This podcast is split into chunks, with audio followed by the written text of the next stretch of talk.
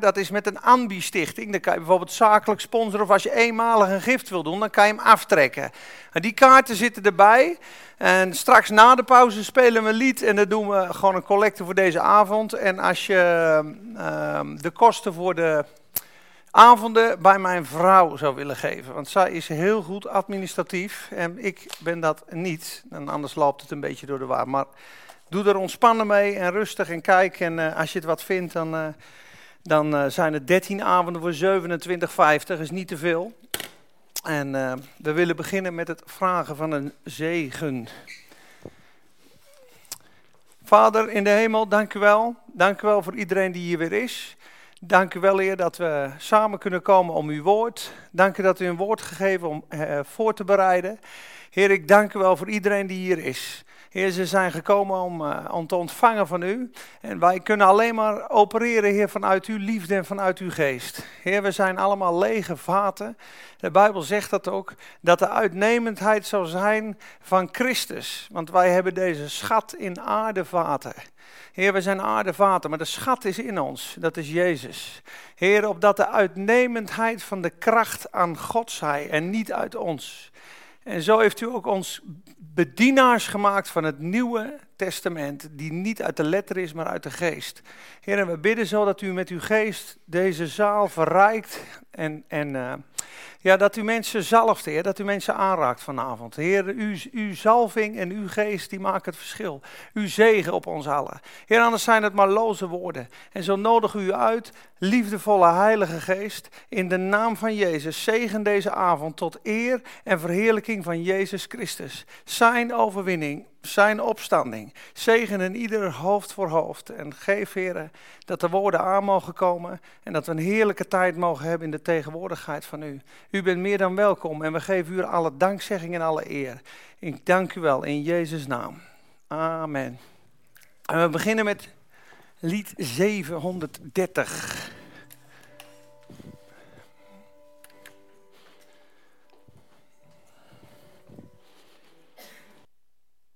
Ik denk die gele. Ja, top. Zo'n mooi team. Iets, iets harder? Iets harder? Ja, helemaal goed. Nou, van harte welkom. Ik zie een hoop nieuwe gezichten. Ook veel mensen die er niet zijn.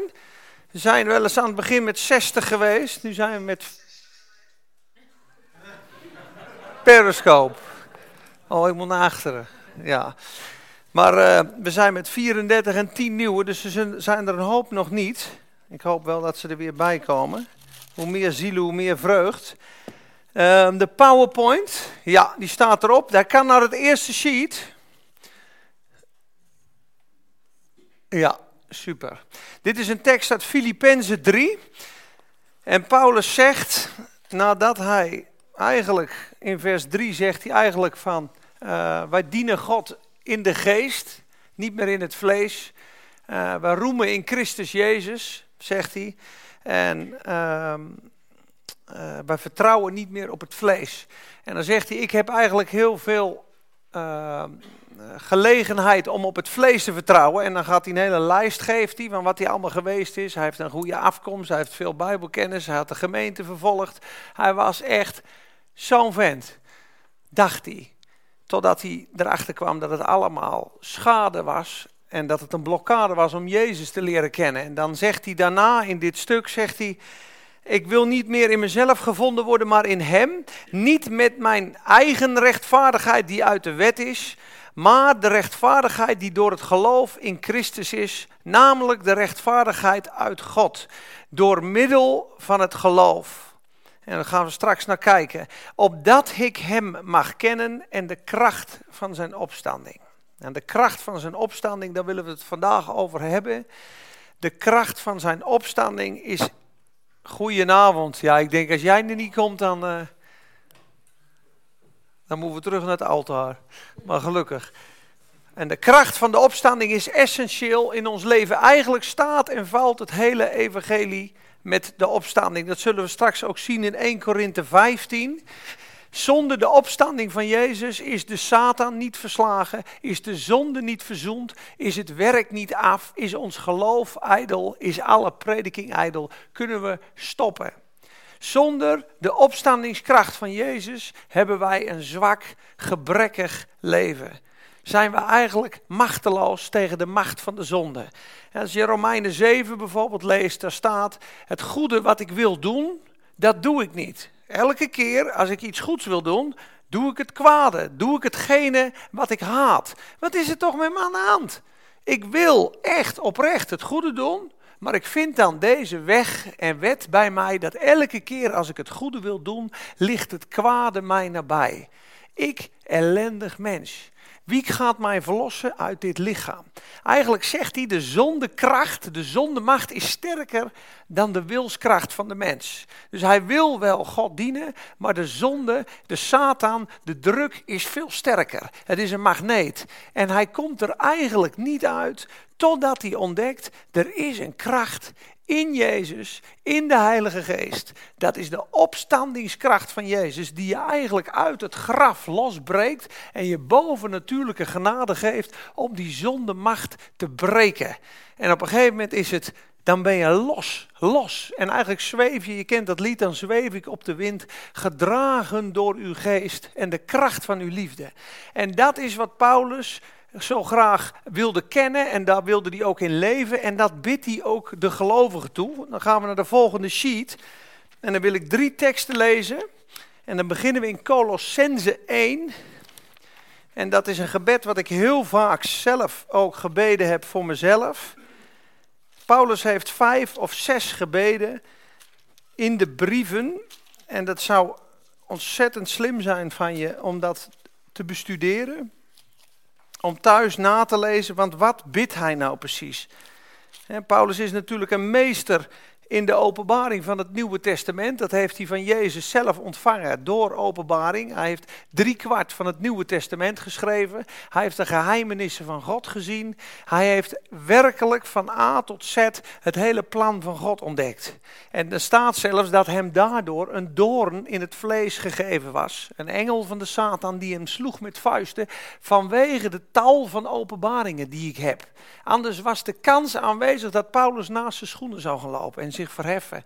Daarom zegt God, God gaf hem dat om hem klein te houden. Maar moet je nagaan, Paulus weet alles, dus zijn gebeden zijn absoluut in lijn met de hart en de wil van God. En hij bidt hier heel mooi in Colossense 1, vers 9. Voorbeden om bevestiging in het geloof staat erboven. Ik ga een beetje mooi zitten zo. Daarom houden ook wij niet op van de dag dat wij het gehoord hebben voor u te bidden en te smeken. En wat bidt hij? Eén, dat u vervuld mag worden met de kennis van zijn wil. Dus dat is één. Hij bidt, laat de mensen, de gelovigen, vervuld worden met de kennis van zijn wil. De kennis van zijn woord. De kennis van het hart van God. Dat is één. In alle wijsheid en geestelijk inzicht.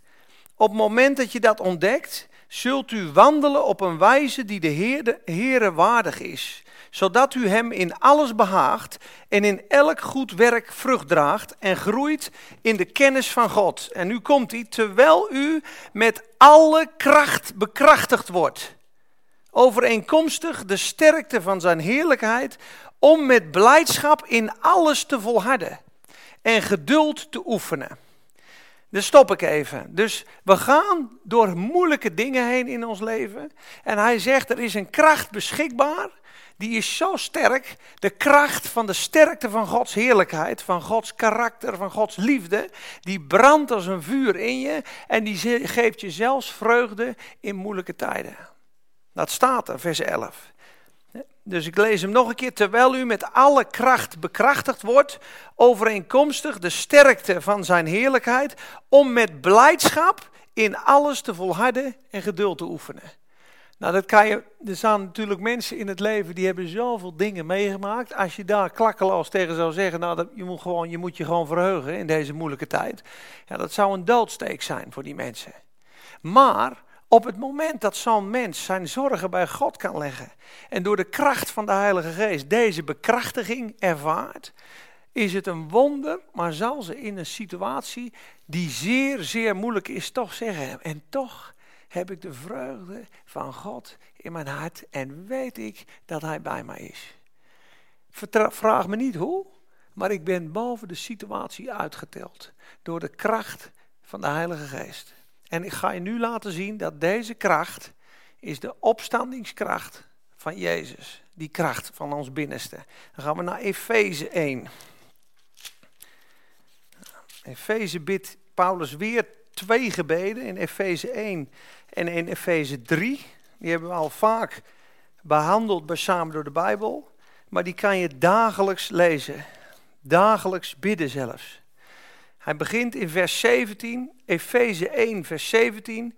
Wat is het gebed? Hij zegt in vers 16: Ik houd niet op voor u te danken als ik in mijn gebeden aan u denk. 17.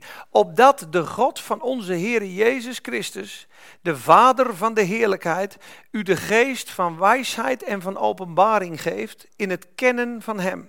Hij wil dat je God ziet. Namelijk dat de ogen van uw verstand of de ogen van uw hart verlicht worden zodat u weet wat de hoop van zijn roeping is, wat de rijkdom is van de heerlijkheid van zijn erfening, erfenis in de heilige, en nu komt hij, en wat de alles overtreffende grootheid van zijn kracht is aan ons die geloven.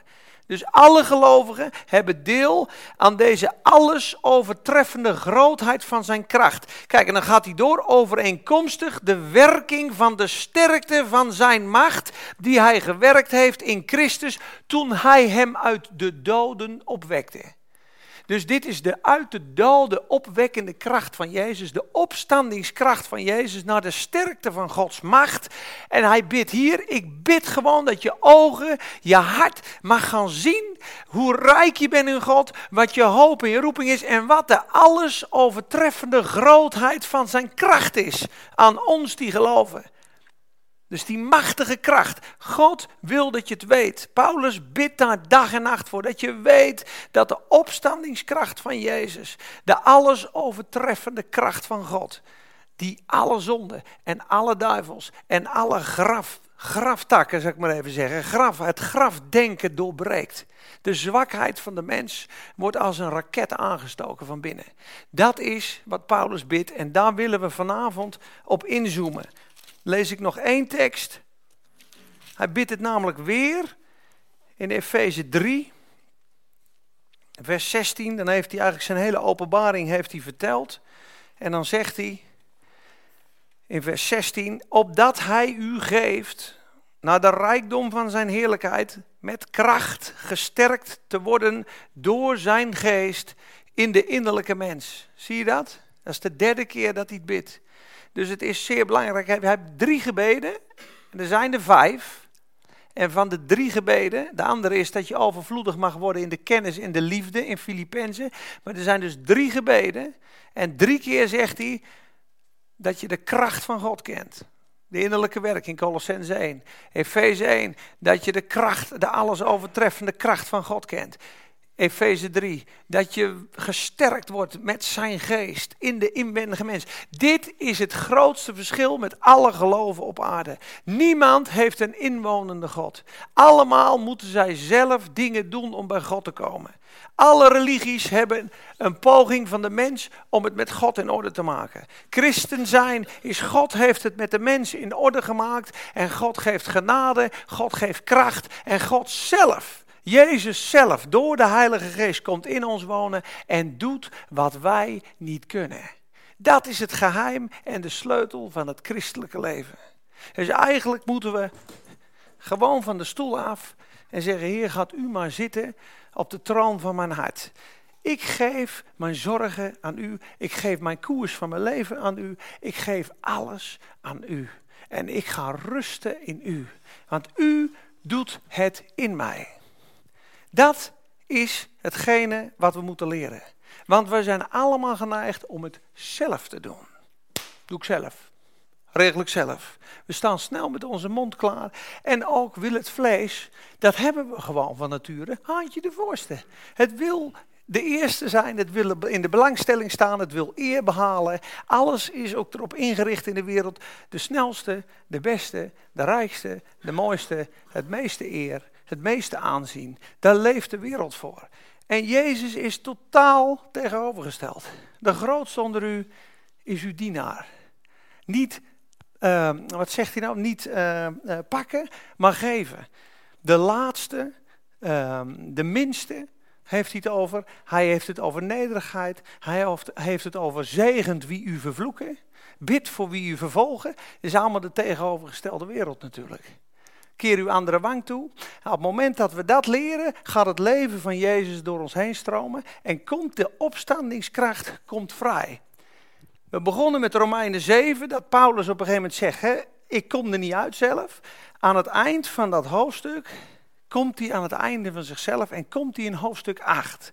Voor de mensen die hier voor het eerst zijn, Romeinen 4, 5, 6, 7 en 8, die vijf hoofdstukken, zijn de bullseye van de Bijbel. Als je die vijf hoofdstukken veel leest, dat is de stap van een zwakke christen die gerechtvaardigd wordt door het geloof van Abraham. Die in hoofdstuk 5 ziet dat hij van Adam naar Christus is gegaan. In hoofdstuk 6 ziet hij dat toen Jezus stierf aan het kruis, dat hij eigenlijk in onze plaats stierf. Dus dat we onszelf mogen rekenen als dood met hem. Dus Jezus stierf, maar eigenlijk stierf jij. Dat is een bovennatuurlijk iets wat God alleen je duidelijk kan maken. Als je daarover nadenkt, denk je, hoe kan dat? 2000 jaar geleden, ik was nog niet eens geboren en hij stierf en ik stierf met hem. Maar Jezus is in onze plaats gekruisigd en stierf als ons. Dus Romeinen 6, alles wat met Jezus is gebeurd, is eigenlijk met ons gebeurd. Gaan we straks lezen. Dan komt in Romeinen 7. Dan denkt hij, nou, het is allemaal goed. En dan ziet hij die strijd van, hè, hoe kan dat nou? Ik ben vergeven, ik ben een kind van God, maar de inwendige strijd is nog steeds aanwezig. Nou, en dan komt hij in Romeinen 8 en daar is hij heeft hij zich overgegeven. Daar is hij eigenlijk bij die adelaar gekomen, die gaan vliegen is. Ik, ellendig mens, wie zal mij verlossen uit het lichaam des doods? Ik dank mijn God door Jezus Christus. En dan komt dat nieuwe leven in de geest en dan komt die opstandingskracht vrij. En dat is het normale christelijke leven. En die opstanding is essentieel. Zonder op te staan s morgens, ja, eventjes in het natuurlijke, blijf je in bed. Komt er, niks, komt er niks van je terecht natuurlijk. Kom je niet op de markt, kom je niet op je werk, komt er geen brood op tafel. Je zal op moeten staan. En zo is het geestelijk ook. Als je niet opstaat, lig je plat. En Satan zijn voet en de zonde en de depressies en de zorgen drukken op je neer. En je wordt eigenlijk dan geregeerd door je oude natuur of door je emoties. Ik wil, ik denk, ik voel. Uh, nou ja, het, het is, ik, ik voel me depressief, ik ga lekker een jointje roken. Zo was ik vroeger. Ik was gewoon depressief, dan ging ik gokken. Ik had gewoon geen doel in het leven. Ik wist ook niet hoe ik eruit kon komen. En ik had ook altijd de beste bedoeling. Ik ga gewoon eventjes wat drinken en dan ben ik 11 uur gewoon thuis. Maar ik was altijd 10 uur de volgende morgen thuis. Terwijl ik de week daarna echt zei, ja, dan ga ik het echt niet meer doen hoor. Dat weet ik zeker. Totdat ik ontdekt, luister, in ons zit een kracht van de zonde. Dat is ons gevallen natuur. En die bepaalt gewoon wat je doet. Of je nou wil of niet. En er is maar één uitweg, dat is vertrouwen op Jezus. En die kracht hebben we allemaal nodig. Amen? Amen. Nou, dan gaan we naar Romeinen 4. De volgende sheet. Die kracht, die essentiële kracht. Ja, de kracht der opstanding komt vrij. Wanneer komt die vrij? Als jij beseft dat je vergeven bent door God, dat is de eerste, komt die vrij. Dan gaan alle zorgen uit je hart. Jezus is gestorven voor onze overtredingen en hij is opgewekt om onze rechtvaardigmaking. Vers 25 van Romeinen 4. Ik leg je uit, Jezus is gekruisigd eens en voor altijd voor onze misdaden. Voor jouw misdaden, voor mijn misdaden. Dus het zondeprobleem is opgelost. Nou hebben we dat zondeprobleem opgelost, dan leven we verder. Dan zullen we nog wel aardig wat fouten maken. Dus dan zou je na drie, vier, vijf, zes maanden kunnen zeggen: Nou ja, luister, ik, uh, het zondeprobleem is opgelost. Dat, dat was inderdaad opgelost, maar ik heb alweer een aardige schuld opgebouwd. Moet ik dan weer opnieuw gered worden? Nee. Nee, wat is de tweede stap? Hij heeft je ook rechtvaardig gemaakt. Dat betekent, God heeft je een eeuwige vrijspraak gegeven in Christus Jezus. Nou denkt het natuurlijke denken gelijk, dat is een vrijbrief om te zondigen. Heerlijk. Ik kan gewoon aanleven en God heeft toch alles al vergeven. Ja, dat is aan de ene kant gewoon waar, alleen een christen zal zich dat nooit afvragen. Iemand die zo gezegend is door God, die zal in dankbaarheid zeggen, oh Heer, wat ben ik dankbaar dat u mij zo verlost heeft van het zondeprobleem. Ik wens helemaal niet te zondigen, ik wil u zo graag dienen. Dus Jezus werd opgewekt, vers 4, vers 25, toen wij gerechtvaardigd werden, staat er eigenlijk. Dus op het moment dat Wout Marie, Rijko, Peter, met al hun zonden op het kruis veroordeeld zijn in Christus, zijn ze in de dood gebracht. Toen heeft God Jezus opgewekt uit de dood. Op dat moment zei God, de prijs is volkomen betaald en als bewijs dat ik volledig bevredigd ben in het straffen van de zonde, wek ik je op zonder zonde. Anders had God namelijk gezegd tegen Jezus: Het werk is niet af, ga maar terug naar de aarde. Maar toen Jezus opstond, was hij zonder zonde, kwam hij de hemel binnen. En is daar een staande ovatie geweest, heeft hij zijn bloed in het hemelse heiligdom gebracht. Voor eens en voor altijd heeft hij een eeuwige verlossing voor ons teweeggebracht. Dus het zondeprobleem is helemaal opgelost. En op het moment dat je nu faalt, spreekt dit bloed voor jouw falen. Want God heeft alle zonden van, voor, dat je, van aan het begin van je leven tot het eind van je leven op Jezus gelegd. Van alle mensen. Op het moment dat dit plaatsvindt, gaan alle zorgen van je afvallen. En begint de kracht van de opstanding. Dus dit is één. Het bewijs van de opstanding is dat je zonden vergeven zijn. Stap 1. Stap 2. De duivel is volledig verslagen. Hebreeën 2. Weet je waar de duivel mensen mee in gebondenheid houdt?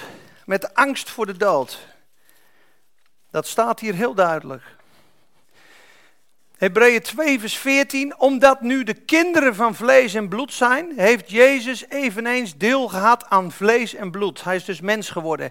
Om door de dood, degene die de macht over de dood had, dat is de duivel, te vernietigen. Hij heeft de duivel vernietigd en daarmee allen verlost die door de angst voor de dood hun hele leven aan slavernij onderworpen waren. Dus een mens die zondigt, die hoort van Satan, je sterft en je gaat dood. Op het moment dat Jezus stierf, eens en voor altijd, stierf hij als ons. Moment, wij leven net zo lang als Jezus. Daarom hebben wij het eeuwige leven. Satan heeft geen enkele grip meer op een christen. Hij kan niet meer zeggen, jij gaat dood. Weet je dan antwoord? Jij gaat dood. Ik leef voor eeuwig. Jij bent geoordeeld. Satan gaat naar de poel des vuurs. En zo, zo, als zo Jezus is opgewekt, zo ben jij opgewekt. Dus de kracht van de zonde is gebroken in Jezus. En de macht van Satan ook. Op het moment dat je dit ziet, begint de opstandingskracht en de genade volledig in je te stromen. Op het moment dat jij nog bang bent om te sterven, of aan heel veel aan je zonde denkt, zul je een zorgelijk gebogen christen zijn, die niet op Jezus ziet, maar op zijn zwakheden. Dan is het elke dag, ik zondig. Dan is het elke dag, ik heb zo'n last van de duivel. Ik ben zo bang voor de dood. Maar je moet jezelf zien zoals Jezus. Is Jezus nog altijd, is, is de, heerst de dood nog over Jezus? Kan Jezus ooit nog uit de positie van zoon van God vallen? Natuurlijk niet.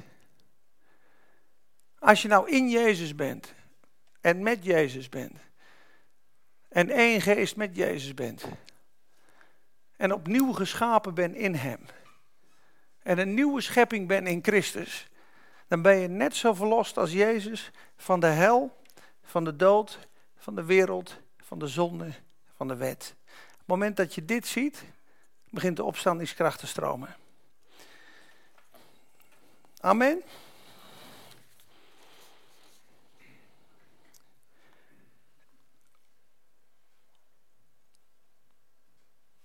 ...1 Korinthe 15... ...sla ik over. Ja, we gaan naar Romeinen 8, anders wordt het een beetje te lang. Ja, Romeinen 8, vers 2.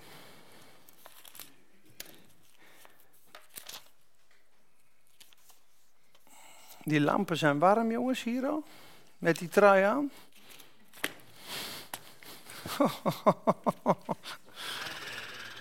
ja.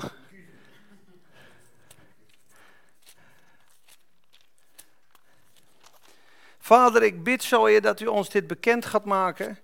Heer, voor sommigen zal dit misschien moeilijk zijn, Heer.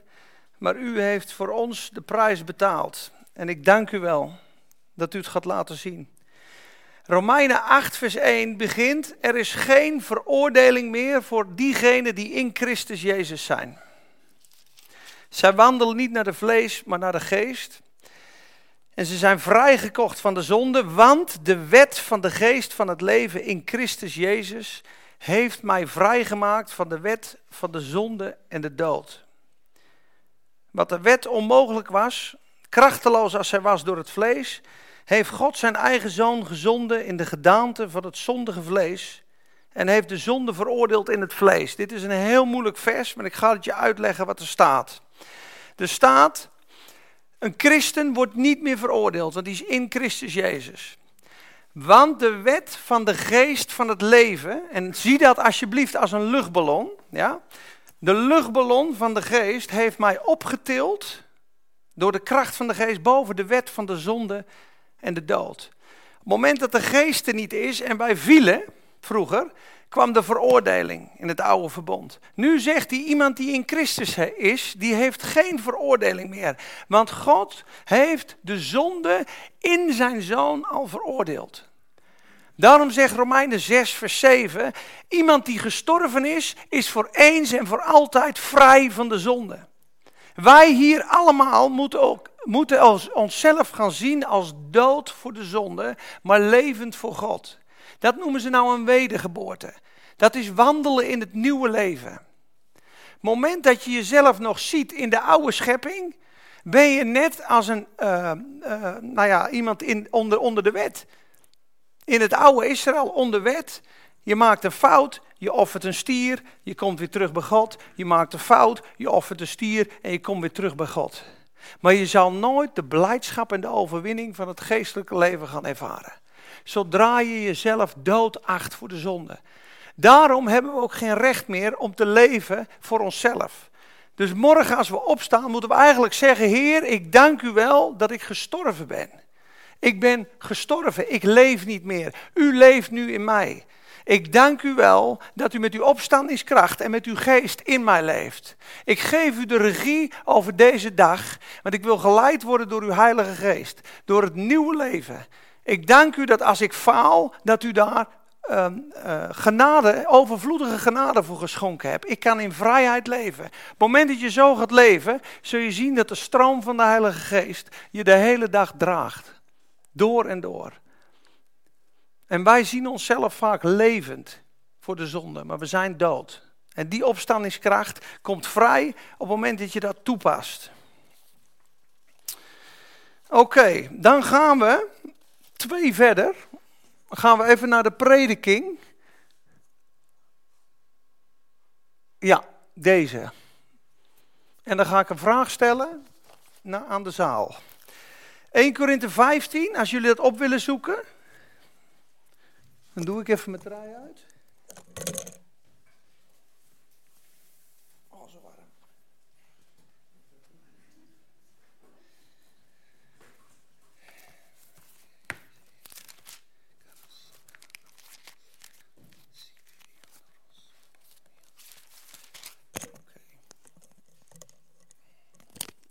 1 Korinthe 15 is het hoofdstuk over de opstanding. De opstanding van Christus, die ons verlost heeft van de zonde, die ons verlost heeft van de dood, die ons verlost heeft van de Satan. Halleluja, amen. Zondeprobleem is opgelost. Onze oude natuur is aan het kruis geslagen en we hebben een nieuw leven. Toen waren er in de Corinthische gemeente waren er Sadduceeën die zeiden: Jezus is helemaal niet opgewekt. En uh, er worden helemaal geen doden opgewekt. En Paulus die antwoordt in vers 12. Als u nu van Christus gepreekt wordt dat hij uit de doden is opgewekt, hoe kunnen sommigen onder u dan zeggen dat er geen opstanding van de doden is? En als er geen opstanding van de doden is, is Christus ook niet opgewekt. Als Christus niet is opgewekt, dan is onze prediking zonder inhoud. En zonder inhoud is ook uw geloof. Dan blijken wij ook valse getuigen van God te zijn. We hebben namelijk van God getuigd dat hij Christus heeft opgewekt, terwijl hij die niet heeft opgewekt. Want dat zeggen jullie, als inderdaad de doden niet opgewekt worden. Immers, als de doden niet opgewekt worden, is ook Christus niet opgewekt. Als Christus niet is opgewekt, is uw geloof zinloos en bent u nog in uw zonde. Dan zijn ook zij die in Christus ontslapen zijn, verloren.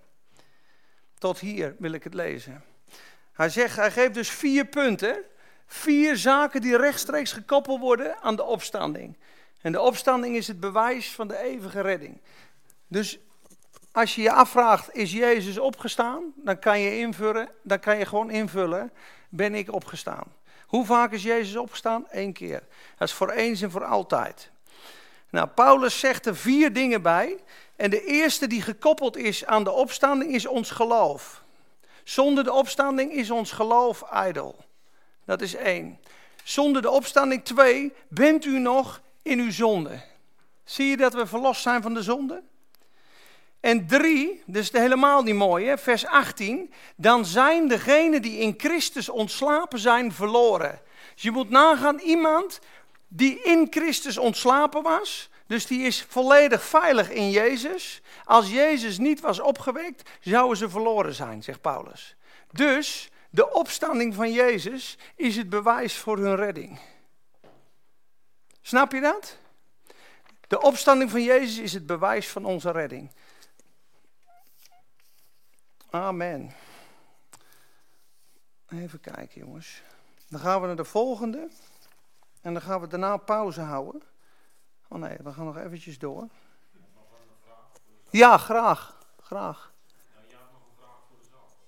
Oh ja, ja, ik wou die vier punten eventjes uh, op, op laten zoeken. Maar toen dacht ik, dat wordt een beetje moeilijk met een hele zaal. Ja, sorry. Ik had, hem, ik had hem vanmiddag voorbereid. Dan had ik hier een vraag, had ik een vraag erbij gesteld. Vier zaken die rechtstreeks gekoppeld worden. Welke vier? Dat zou ik eventueel in groepjes gedaan willen hebben. Maar ik denk dat uh, gaat met de hele zaal uh, niet zo makkelijk. Sorry. Sorry. Even kijken, jongens. Uh, de volgende. Ja, deze.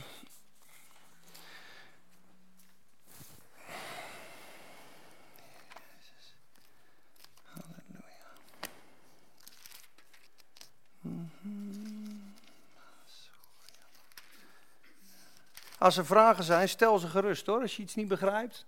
Zijn er vragen trouwens tot nu toe? Niemand zegt wat. Komt het een beetje over? Begrijpen jullie het? Waarom ik dit stress, waarom ik het over de opstanding heb?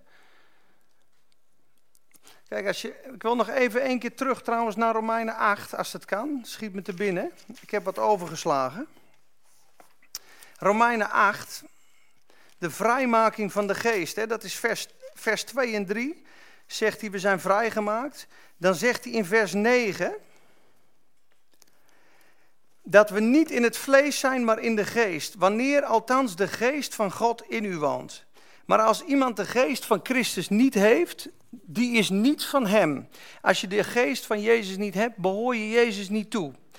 Als Christus echter in u is, vers 10, dan is het lichaam wel dood vanwege de zonde, maar de geest is leven vanwege de gerechtigheid. Nou, vers 11, dan komt hij. Als de geest van hem die Jezus uit de doden opgewekt heeft, in u woont, dan zal hij die Christus uit de doden opgewekt heeft, ook uw sterfelijk lichaam levend maken door zijn geest die in u woont. Dus hij zegt eigenlijk, er is maar één manier mogelijk dat een christen leeft en dat is door de Heilige Geest. En alle pogingen die wij hebben in onszelf zijn allemaal ijdel. Hebben wij helemaal niets aan. Moeten we van verlost worden. Dat noemt de Bijbel dode werken. Dat is, en heel veel mensen, waaronder ikzelf en waar heel veel christenen leven, allemaal nog in Romeinen 7. Lees het thuis maar na. Ik heb het al vaker gezegd, in Romeinen 7 staat 49 keer ik, mijzelf en mij. Hij is constant met zichzelf bezig. Hij is constant in eigen kracht. En hij probeert God van harte te dienen, maar het lukt hem niet.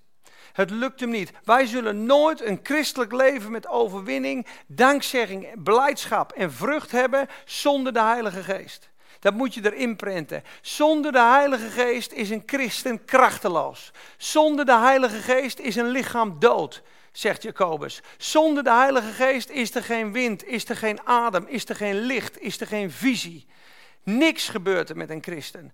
Elke dag moeten we opnieuw vervuld worden met de Heilige Geest. Dat is, zeg ik je weer, Christus in u is de hoop op de zaligheid en de hoop op de heerlijkheid. Colossense 1. De hoop om te worden zoals Jezus is de Heilige Geest in ons. Op het moment dat we dat leren, worden we geestelijke christenen, worden we volwassen christenen, worden we blije christenen, zijn we christenen die zitten die zeggen, ja maar ik doe helemaal niks. Ik doe helemaal niks. Maar er stroomt een rivier in mij. Stromen van levend water zullen uit uw binnenste vloeien, staat er toch? Dit zei Jezus van de geest. Dit zei Jezus van de geest, maar de geest was nog niet gekomen, want Jezus was nog niet verheerlijkt. We hebben vorige keer besproken, als je, op het moment dat je Jezus gaat verheerlijken in je leven, dus je zegt, Jezus is de eerste plaats in mijn leven, ik wil Hem dienen, ik wil leven tot eer van Hem, want Hij had mij lief. Hij heeft mij gekocht en betaald. Hij bidt en pleit voor mij uit de rechterhand van God. Hij is mijn alles en ik wil Hem dienen, ik wil Hem volgen, ik wil Hem eren. Ik verheerlijk Jezus. Op dat moment komt er een kracht vrij van de Heilige Geest in je. Absoluut. Dan komen de stromen van levend water. En elk moment van de dag moeten we vervuld worden van de Geest van God. Morgen als je opstaat, Heilige Geest, vul mij. Ben je na een uur of anderhalf uur gefrustreerd? Dat kan hè. Iemand kan je bellen, je kan je zorgen maken, iets kan je overvallen, er kan een rekening binnenkomen, er kan een situatie op je pad komen dat je helemaal van slag bent. Op dat moment word je eigenlijk neergeworpen vanuit die vrede terug op aarde. Eigenlijk ben je dan een beetje in paniek. Dan moet je gewoon weer terugkoppelen. Dan zeg je gewoon, Heer, het gaat even niet goed. Ik heb het hartstikke moeilijk nu. Ik ben gefrustreerd. Ik kom tot u. Heer, ik kom tot u. Ik roep u aan in mijn benauwdheid. U zult mij eruit redden. Dat zegt Psalm 50. Ik zal op u staan. Heer, vul mij weer met uw geest. U bent mijn wijsheid. U bent mijn kracht. U bent mijn liefde. U bent mijn gerechtigheid. U bent mijn alles geworden. U bent mijn levenskracht. U bent in mij. Ik kan alles doen door Christus die mij kracht geeft. Heer, ik hoef me niet druk te maken, want in deze situatie heeft u het antwoord en bent u het antwoord. Dit is wat Corrie ten Boom altijd deed. Corrie ten Boom ging voor een spiegel, spiegel staan en zei ze, dit probleem is te groot voor Jezus Christus. dit probleem is te groot voor Jezus Christus. en dan lachten ze net zo lang tot het probleem gebroken was. Want niet zij vergaf die, uh, die man die haar zus verkracht had, maar Jezus in haar. Wat denk je dat bij Stefanus, op het moment dat Stefanus zegt, Heere, reken hun deze zonde niet toe. Dat is de Heer Jezus in Stefanus. Dat is de Heer Jezus in Stefanus die dat bidt. Want Stefanus in zijn eigen kracht had ze dood vervloekt. En wij allemaal. Mensen op de brandstapel die gaan zingen zijn, is door de kracht van de Heilige Geest. Het is Jezus die het overneemt. Daarom komt ook hem alle eer toe. Moet je nagaan dat ik morgen mijn uiterste best doe om geduldig te zijn, om lief te zijn, om aardig te zijn. Ik ben een humane, lieve, aardige jongen, maar ik, doe het niet in de kracht van Jezus. Daar kan hij toch nooit daar eer van ontvangen. Dan zeg je toch aan het eind van de dag, ja, ik, bedoel, uh, ik heb mijn uiterste best gedaan. Uh, ja, hoe bedoel je? Maar op het moment dat je zegt, Heer, ik kan vandaag niks. Wilt u mijn, wilt u mijn leven zijn vandaag? Mijn leven. Wilt u mijn aandacht zijn? Wilt u mijn vreugde zijn? Dan gebeuren er dingen, je komt bij de slager en ineens heb je bovennatuurlijke aandacht voor iemand. En ineens denk je, normaal had ik doorgelopen, maar er ontstaat een gesprek. En het wordt door God geregeerd. Weet, weet je, weet je, dan zeg je thuis, dank u Heer. Alle eer aan u. Alle eer aan u. Ik heb niks gedaan. Dat is het leven van God. Dat is wat Paulus bidt. Dat is de kracht die je losmaakt van de dood, van de zonde, van de Satan. En zonder dit blijf je altijd ploeteren. En dit is precies wat Satan doet. Hij geeft je regels, hij geeft je opdrachten, maar hij zorgt dat je bij de relatie en bij de Heilige Geest vandaan blijft. En hij geeft je allemaal opdrachten. Werk voor God, doe voor God, doe dit. Als je hier maar niet komt. In de vrede en de bekrachtiging van God. Want deze opstandingskracht regeert over Satan. Dan komt hij onder je voeten. Dan is je dag vol van lofprijs, vol van dankzegging, vol van overwinning. Dan juich je. Dan ben je opgestegen als een arend. Weet je wat een arend ziet? Drie kilometer ziet hij een konijn lopen. Weet je, als je opstijgt in de geest, dat je geestelijke ogen gelijk open gaan? Je hebt een totaal ander perspectief op het, op, op het leven. In het vlees zou je zeggen, ja, en die loopt altoos te zeuren. En dit gaat niet goed komen, en dit gaat niet goed komen. Het begon helemaal niks zo. Dat is je visie. Maar in de geest zie je constant anders. Denk je, ja, dat komt helemaal goed. We hebben alle mogelijkheden. God heeft 40 jaar gezorgd voor de, voor de Israëlieten in de woestijn. De schoenen groeiden mee. De schoenen groeiden mee, wist je dat? 40 jaar. Hun klederen werden niet oud en hun schoenen groeiden mee. Die kleine kinderen uit Egypte hebben, en in de woestijn is nooit geen schoenmaker geweest. Die schoenen zijn meegegroeid. Er was brood uit de hemel, er was water uit de rots. Waarom heeft God ze, denk je, naar die rots geleid? Waarom komen ze op een gegeven moment bij het water en het water is bitter? Denk je dat God dat niet wist? En morren met z'n allen. En vloeken tegen Mozes. Terug naar Egypte hebben we moeten gaan. Moeten we hier sterven? Maar Mozes zoekt Gods aangezicht. Bij Meriba, toen ze de heren verzochten. En wat doet hij? Hij zegt, werp een stuk hout in het water. En het bittere water zal zoet worden. Dat is het kruis van Jezus. Op het moment dat ze dat doen, drinkt dat hele volk en zien ze dat God weer de voorziener is. En dan zegt hij op dat moment, ik ben de Heere uw heelmeester. Dan gaan ze verder, komen ze bij een rots. Weer geen water, weer morren. Denk je dat God het niet wist?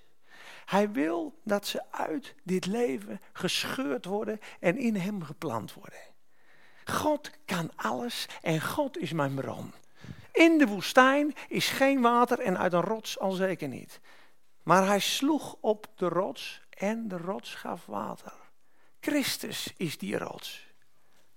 De tweede keer dat ze bij een rots komen, moest Mozes spreken. Dan lopen ze weer te morren, nummer 17. Weet je, Mozes wordt het daar zat, hè? Weet je wat hij zegt? Rebellen.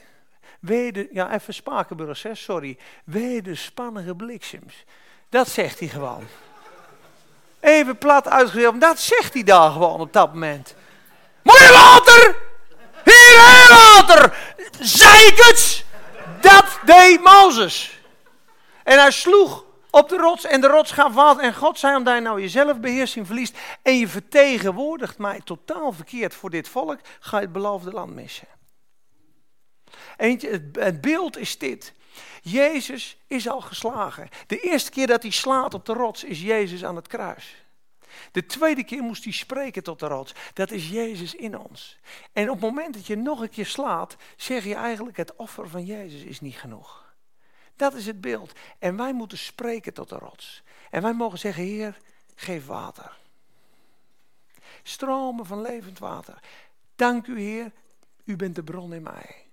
Dank u Heer, u bent mijn voorziening. En zo bracht hij ze in onmogelijke situaties door de hele Bijbel heen. Waarom moet Elia dan naar een weduwe? Met nog één koek en nog één zoon. Laten we deze maaltijd opeten en dan sterven ze. Geef mij die koek. Is wat?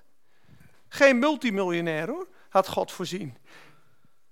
De olie ging niet meer op. En het meel ging niet meer op totdat de droogte voorbij was voor die vrouw. Daarna zit hij bij de beek Kidron. Wat komen, weet je welke vogels de vlees komen brengen? Raven. Het zijn de meest egoïstische, pikkende beesten. Een raaf pikt alles weg, die komt nooit niks brengen. Maar God stuurt de raven. Snap je dat God bovennatuurlijk in alles is? Dat wij, als we ons denken moeten vernieuwen, een hemels denken moeten krijgen? Hemels, bedenk de dingen die boven zijn. U bent een aanstoot voor mij, zegt hij tegen Petrus, want je bedenkt de dingen van de mensen en niet die van God. Gaat achter mij, Satanas, zegt hij tegen Petrus. Je bent een struikelblok voor me.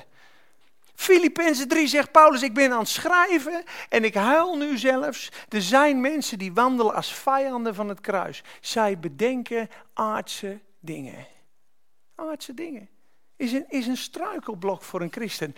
Maar onze wandel en ons burgerschap is in de hemel. Dus wij zijn hemelburgers. Nu, zoals jullie allemaal hier zitten, ja, of je het gelooft of niet, je zit in Christus in de hemelse gewesten.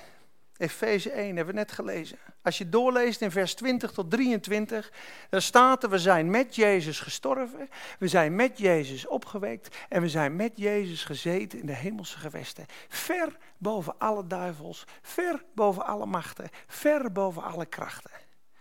Dus we zitten op de troon met Hem en Hij houdt ons vast. En dat is de plaats van overwinning. En die hoeven we alleen maar vast te houden. Daarom zegt hij: houd stand. Wees standvastig tegen de aanvallen van de vijand. Je hoeft hem niet meer te verslaan. Je hoeft alleen maar te blijven staan op de grond van overwinning met een glimlach. Ik laat me niet afleiden. Jij bent verslagen. Ik ben overwinnaar. Het enige wat je kan doen is zijn aas pakken en de strijd aangaan. Dan verlies je namelijk. Want je hebt al gewonnen. Je staat 10-0 voor. Je hoeft alleen de wedstrijd uit te zitten. Snap je dat Satan al verslagen is en dat wij niet meer stuk kunnen? En hij wil ons verleiden om te doen wat Jezus al lang gedaan heeft. En daarom is het leven door de Heilige Geest een leven van overgave, een leven van dankzegging, een leven van aanbidding. Ik hoorde vanmiddag iemand die zei: er zijn drie manieren voor een christen om de zalving en de kracht van de Heilige Geest te laten stromen in je leven. De eerste is het woord. Jij kiest zelf om het woord te lezen. Dat is jouw keuze. Het woord triggert je en brengt je in gebed, zei hij. Het moment dat je het woord gaat lezen, ga je automatisch ga je bidden. En op het moment dat je gaat bidden, ga je automatisch aanbidden. Er zijn drie sleutels. De eerste is het woord, de tweede is gebed en de derde is aanbidding. En aanbidding is de hoogste. Op het moment dat we straks in de hemel zijn, zijn we allemaal genaderd tot een plaats van continu aanbidding. Dat kunnen we nu niet begrijpen, maar dan zijn we zo één met de liefde en de heiligheid van God, dat ons hart alleen maar kan loven en kan danken en kan prijzen en kan zeggen, Heer, u bent waardig te ontvangen alle eer, alle lofprijs, alle dankzegging, alle kracht, alle heerlijkheid. U bent voor ons geslacht, u hebt ons gekocht met uw bloed. Dan gooien ze de kronen af. Eer aan hem die zit op de troon en waardigheid aan het lam. En de hele eeuwigheid zullen we God danken voor zijn grote offer. En zal vreugde, eeuwige vreugde zal op onze hoofden zijn. Dank u Heer Jezus. Dat is de realiteit. Die dingen die ik nu zeg aan het begin, ik voel dat dat moeilijk aankomt. Dus ik moet door een barrière heen. Dan ben ik een kwartier aan het praten. En dat is best wel moeilijk, want het zijn geen makkelijke dingen. Het zijn geestelijke waarheden. En heel vaak probeer je dat te ontvangen of te begrijpen. Maar ik geef je een sleutel. Romeinen 6, is de identificatie met de dood van Jezus. Als jij Romeinen 6 thuis leest, dan staat er: Indien wij gepland zijn in de gelijkmaking van zijn dood, zullen we dat ook zijn in de gelijkmaking van zijn opstanding. Met andere woorden, we zijn met Jezus gestorven, we zullen straks ook met hem opstaan. De dood heerst niet meer over Jezus, dus ook niet meer over jou. Dat hoofdstuk, dat kan je zo vaak lezen als je wil, maar je zal het nooit begrijpen. Je gaat het pas begrijpen als je wandelt in Romeinen 8.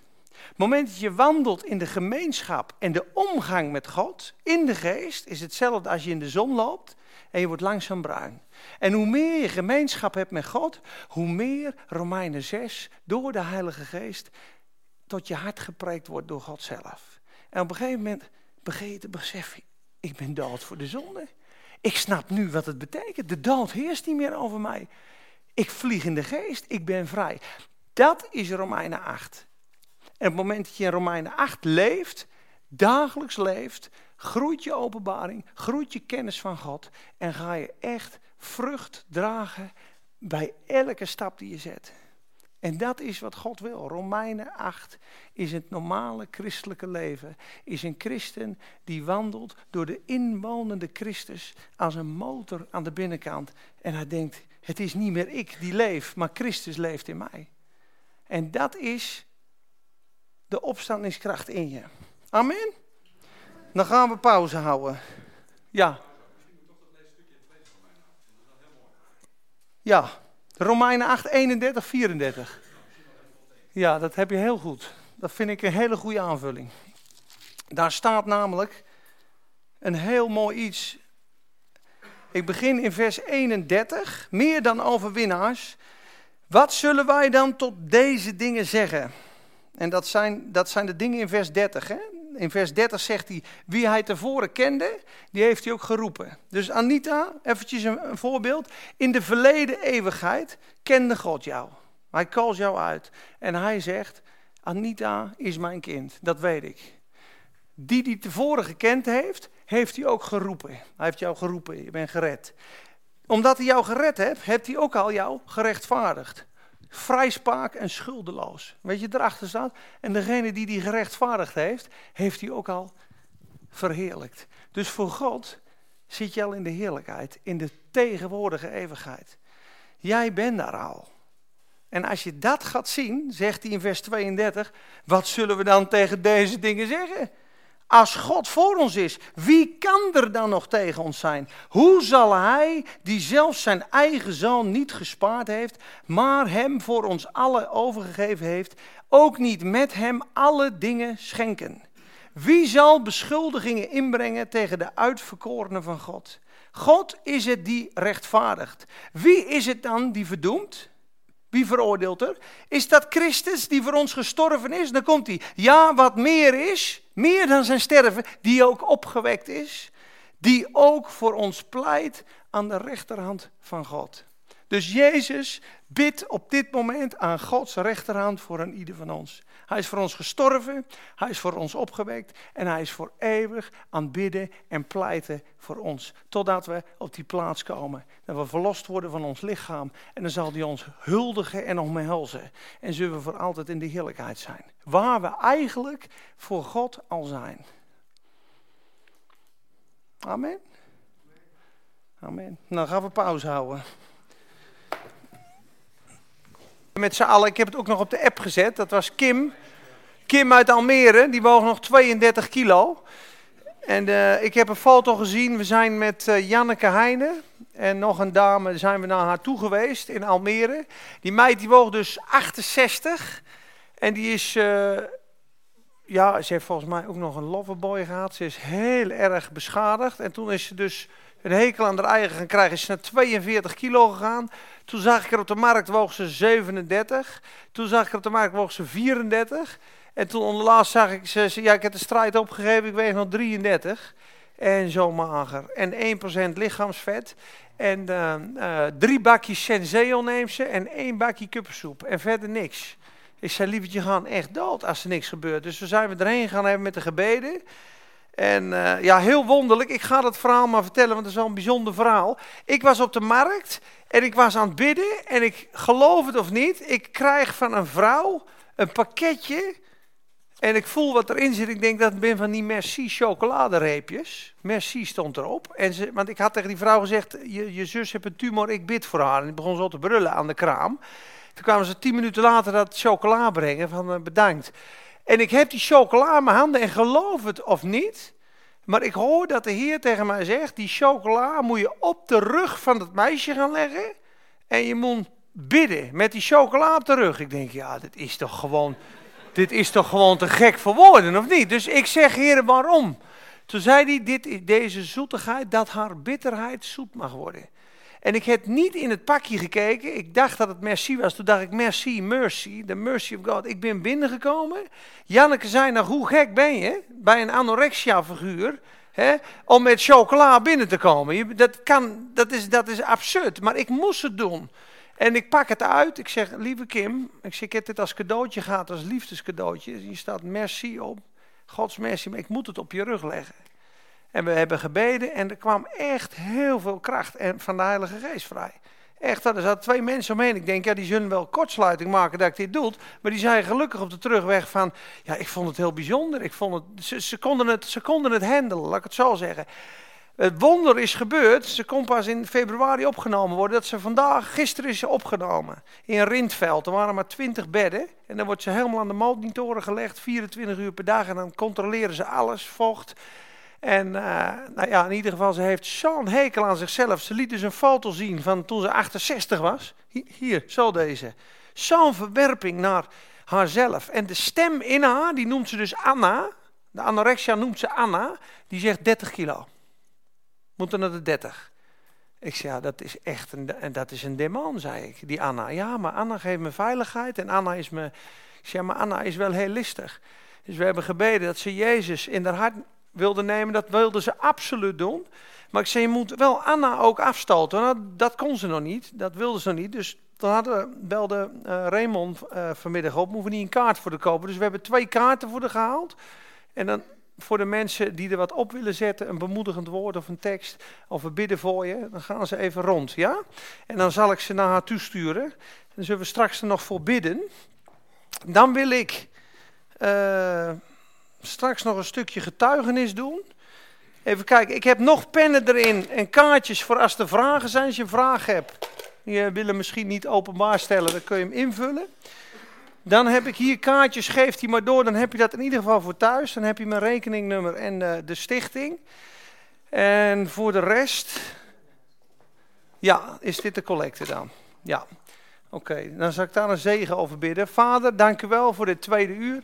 Dank u dat u wil spreken. Dank u dat u mooie woorden gaf, in het eerste uur. Het was een beetje stroef en moeilijk aan het begin, Heer, maar u, uh, ja, u kwam er mooi u hielp ons, Heer, en u hielp ook mij. Dank u wel dat u dat, die stroom van levend water op gang wil brengen.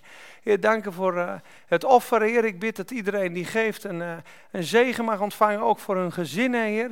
Heer, we bidden ook voor Kim. Heer, we bidden dat u de, ja, de macht die haar vasthoudt helemaal breekt, Heer. En dat ze haar identiteit in u mag vinden. Heer, dat ze de ware persoonlijkheid mag omarmen en van zichzelf mag houden. Heer, en dat ze zo snel mogelijk weer teruggaat, Heer, naar die 60 kilo die 65 kilo en een gezonde, een gezonde meid mag worden. Heer, sterk haar, troost haar en bemoedig haar. Heer, en dank u wel voor de woorden die u gaat geven. Zegen ons, leid het zo, Heer. Heer, dank u wel dat u met ons bent. In Jezus' naam, amen. En dank je wel iedereen trouwens. Ze wordt heel erg gewaardeerd. Nou, we gaan even kijken wat ik ga doen, want sommige dingen zijn best moeilijk. Ja, ik wil toch Handelingen 13 doen. En een stukje van de prediking van de apostelen. Wat preekten ze in Handelingen? En dan zie je dat de boodschap in Handelingen... Oh, Ramon, Ramon zit er nog niet bij de computer. Johan, kun je even bij die computer die PowerPoint deur klikken? Mijn getuigenis. En opstanding. Ja. Ja, handelingen. Handelingen 1 komt op een gegeven moment langest. Nog één verder. Uh, ja, deze ja. Op een gegeven moment, en dan begin ik in Handelingen 1, kun je zien wat de prediking in Handelingen. Handelingen is het Bijbelboek. Uh, je moet het zo zien: Handelingen is een blueprint van een bijbelse opwekking. Hoe, wat er gebeurt, wat je kan verwachten als de Heilige Geest uitgestort wordt op een gebied. Is, is handelingen, is een blueprint van hoe het zou behoren te zijn. Dus als je in handelingen ziet dat de doden opgewekt worden, dat de gebouwen schudden, dat Paulus drie dagen blind is, dat uh, Filippus 90 kilometer verderop in de geest reist in één seconde. Nou, dat, als je vandaag die verhalen hoort, dat je zou zeggen van, nou, we geloven niet meer in sprookjes. Ga maar naar handelingen. Er staat handelingen der apostelen, maar je kan beter invullen handelingen van de Heilige Geest. De Heilige Geest is nooit veranderd. En wat hij deed door het leven van Petrus, kan hij ook gewoon doen door het leven van ons. Heel veel zeggen dat waren de apostelen, er waren maar twaalf apostelen. Maar als je goed leest in hoofdstuk 6 en 7 is Stefanus is gewoon een discipel.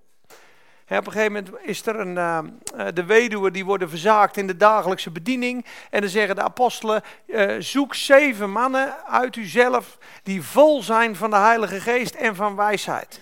Discipelen.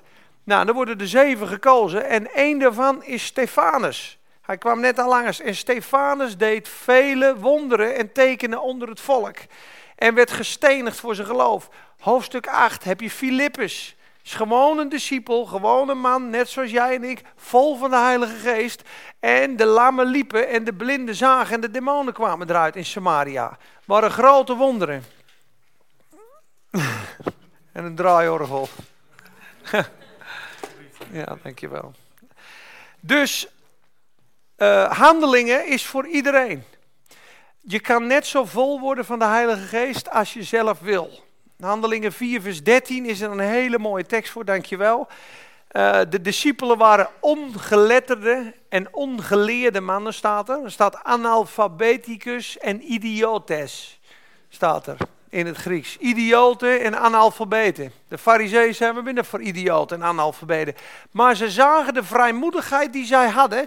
Toen ontdekten zij dat zij met Jezus omgegaan waren.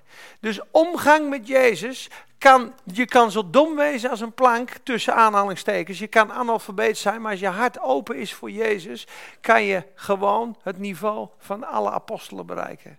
En dat is geen sprookje wat in de Bijbelse dagen gebeurde met mensen vol van de Heilige Geest kan vandaag ook. En er zijn ook mensen die wandelen op het niveau. En Petrus en Paulus zeggen gewoon, we zijn mensen met gelijke bewegingen zoals u.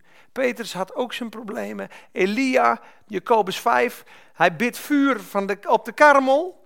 Vuur het hemel, de volgende dag ligt hij onder een struik. Laat mij maar dood gaan, want Izebel komt eraan. En er staat er, hij bad een gebed dat het drieënhalf jaar niet zou regenen. Ja, en hij bad een gebed. En er staat er gewoon achter, want Elia was een man met gelijke bewegingen zoals jij en ik. Met andere woorden, hij had een ochtendhumeur, hij was zagrijnig, hij was ook zwak. En dat zie je, hij ligt onder een struik, maar hij kon grote dingen doen. En we zijn allemaal in staat, als we vol zijn van de Heilige Geest, om wonderlijke dingen mee te maken. En dat boek Handelingen is een um, buitengewoon voorbeeld, of nee, is een, is een voorbeeld van hoe het is als de geest uitgestort wordt. Een bijbelse opwekking. Niet een sprookjesboek, niet een geschiedenisboek. Dat was toen, dat is niet waar. De Heilige Geest is niet veranderd. En uh, ze zeggen op een gegeven moment dus als uh, Judas weggevallen is, hebben ze een nieuwe apostel nodig. En dan zeggen ze in vers 21... Ehm, van hoofdstuk 1.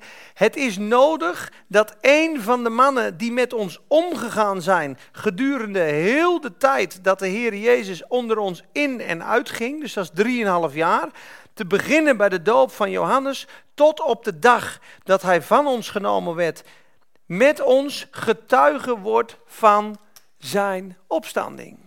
Dus de prediking, ze moesten getuigen zijn van zijn opstanding. En dat was eigenlijk het vereiste voor een apostel was, je moest Jezus gezien hebben in levende lijven nadat hij uit de doden was opgestaan. Daarom zegt Paulus ook, ik ben uh, een apostel eigenlijk niet waard om een apostel genoemd te worden in 1 Korinthe 15, want ik heb de gemeente vervolgd en ik ben als een ontijdig geborene, want ik heb hem ook gezien, de Heer Jezus, maar hij heeft hem in een visioen gezien.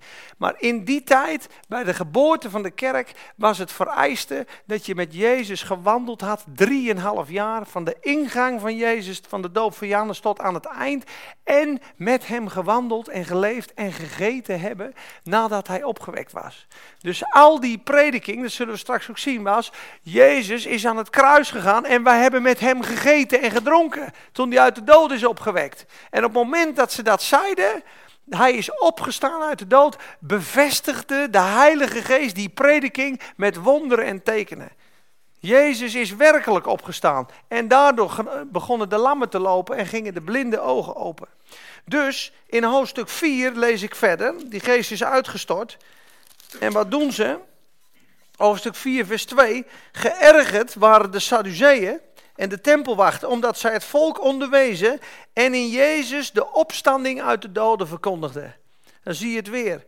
En wat gebeurt er als je de opstanding uit de doden verkondigt? De, de, kracht van de opstanding. De dood wordt verslagen. En dan zie je vers 33. Er was grote kracht en grote genade. Dus het moment dat we prediken. De prediking van het evangelie staat heel duidelijk in 1 Korinthe 15 vers 1 tot en met 3. Jezus 1 is gestorven naar de schriften. Hij is gestorven, hij heeft de zonde in de dood gebracht. Hij is begraven naar de schriften.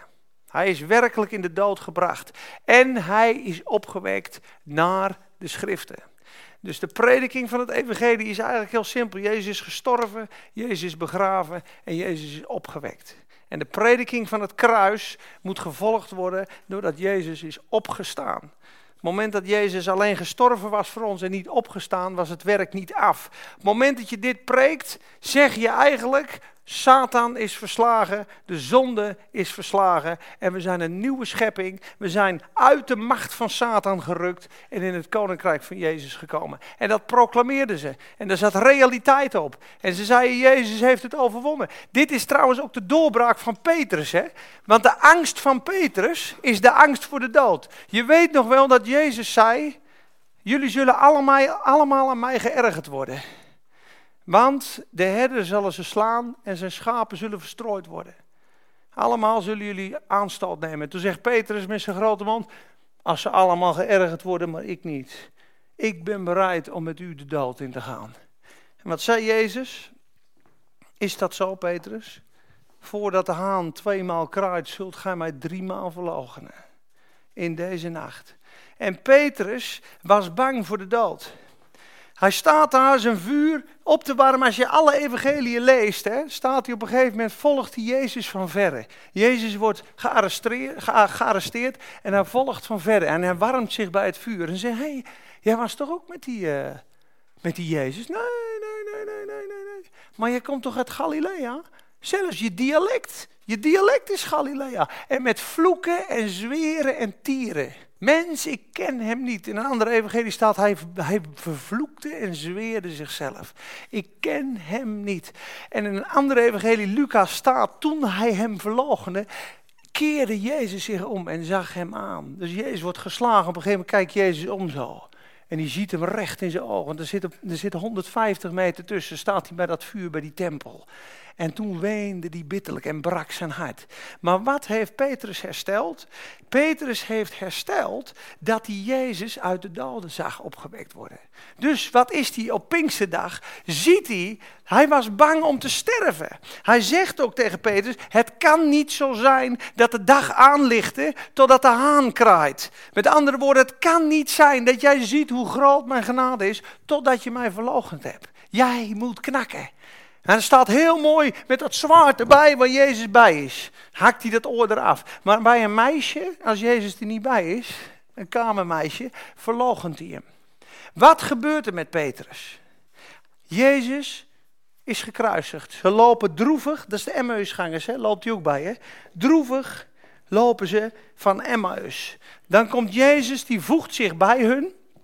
En op een gegeven moment doet Jezus net als hij door wil lopen. En dan zeggen ze, nee, het is al laat, kom je bij ons eten.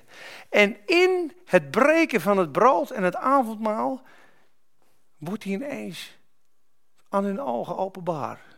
En ze zien dat het de Heer was. Dan rennen ze vol vreugde naar het graf. Wie staat er op Pinksteren? Nadat hij weende bitterlijk, nadat hij totaal gebroken was. Wie staat daar te preken op Pinksteren? Petrus, totaal gesterkt. Weet je wat hij zegt? In Handelingen 3, vers 13 en 14. Als je het leest, dan klap je gewoon met je oren. Dan zegt hij tegen die mensen: Jullie hebben Jezus verlogend. Toen, die, toen jullie voor Pilatus stonden, hebben jullie de rechtvaardige verlogend. Dat is zijn preek. En die had hem zelf verlogend. Wie liep Jezus te verloochenen? Petrus. Hij is het helemaal kwijt. Hij is het helemaal vergeten. Want hij is van de dood naar de opstanding gegaan. Hij is een nieuwe schepping geworden. En hij staat bij het Sanhedrin en ze bedreigen hem en ze zeggen, nou wie moet ik jou, nou, nou wie moet ik luisteren? Naar jullie of naar God? Waarom? Omdat hij zag dat Jezus groter was dan de dood. Hij kon niet meer sterven. Daarom was hij zijn angst kwijt. En voordat Jezus opgestaan was, was hij bang om dood te gaan. En dat is de kracht van de opstanding. Mensen die de opstanding preken, preken eigenlijk de onvergankelijkheid. Kijk maar eens in 2 Timotheus 1, vers 8. De kracht van God is hier geopenbaard. Het ware evangelie zal deze prediking bevatten. 2 Timotheus 1, vers 8. En hij geeft weer een vers dat er moeilijkheden en verdrukkingen zullen zijn. En die moeilijkheden en verdrukkingen maken ons alleen maar sterker, maken ons mooier, maken ons heiliger.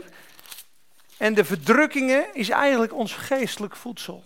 Moeilijke tijden, ja, daar wil God je iets in leren, daar wil hij iets in geven. Waardoor je sterker en rijker eruit komt door de moeilijkheid heen. En hij zegt hier tegen Timotheus in vers 8: Schaam u dan niet voor het getuigenis van onze Heer en ook niet voor mij, zijn gevangenen, maar leid met mij verdrukking om het evangelie, overeenkomstig de kracht van God. Hier komt de kracht van God. De kracht is dat Hij ons heeft zalig gemaakt en geroepen met een heilige roeping.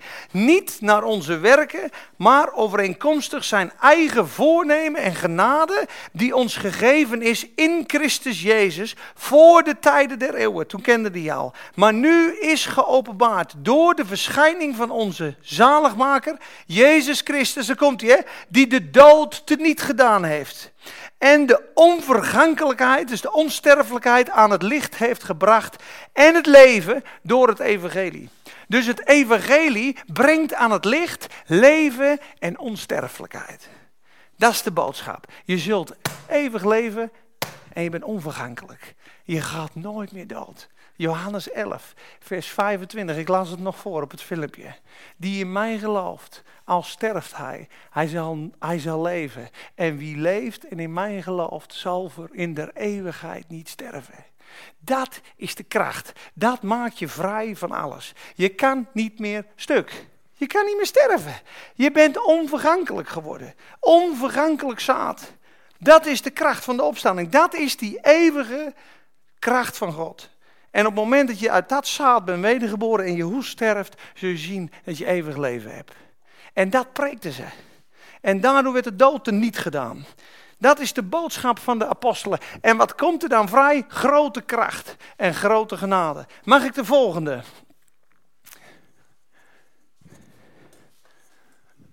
Handelingen 13, ook een leuke als je van Bijbelstudie houdt, is de blueprint de allereerste keer dat het evangelie gepreekt wordt door Paulus.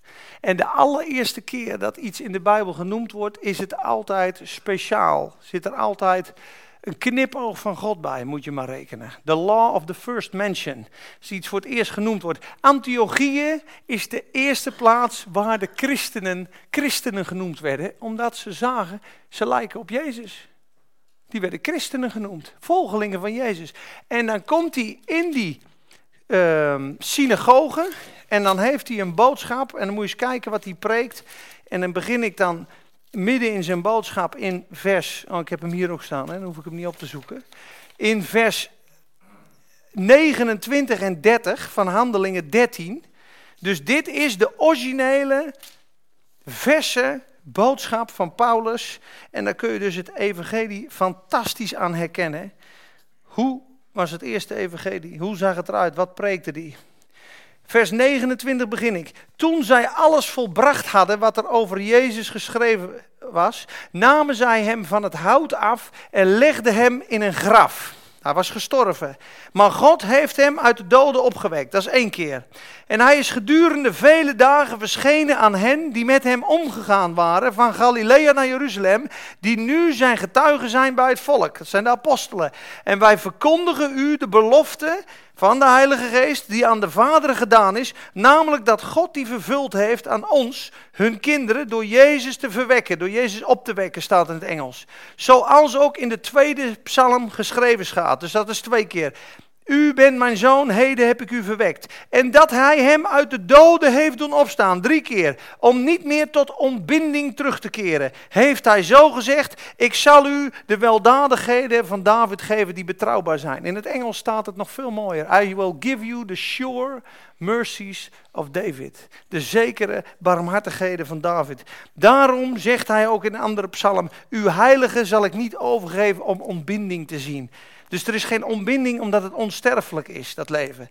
Immers, David is ontslapen nadat hij in zijn tijd het raadsbesluit van God uitgediend had. En hij is bij zijn vaderen gelegd en heeft wel ontbinding gezien. Dus hij wil hier bekendmaken, de opstanding kent geen ontbinding, kent geen afval. Snap je? Maar hij die God opgewekt heeft, heeft geen ontbinding gezien. Vers 37. Vier keer in deze boodschap is de kern de opstanding. De opstanding, de opstanding. Hij is opgestaan. Hij heerst over de dood. Hij heerst, hij heerst, hij heerst. Dat is de boodschap van de apostelen.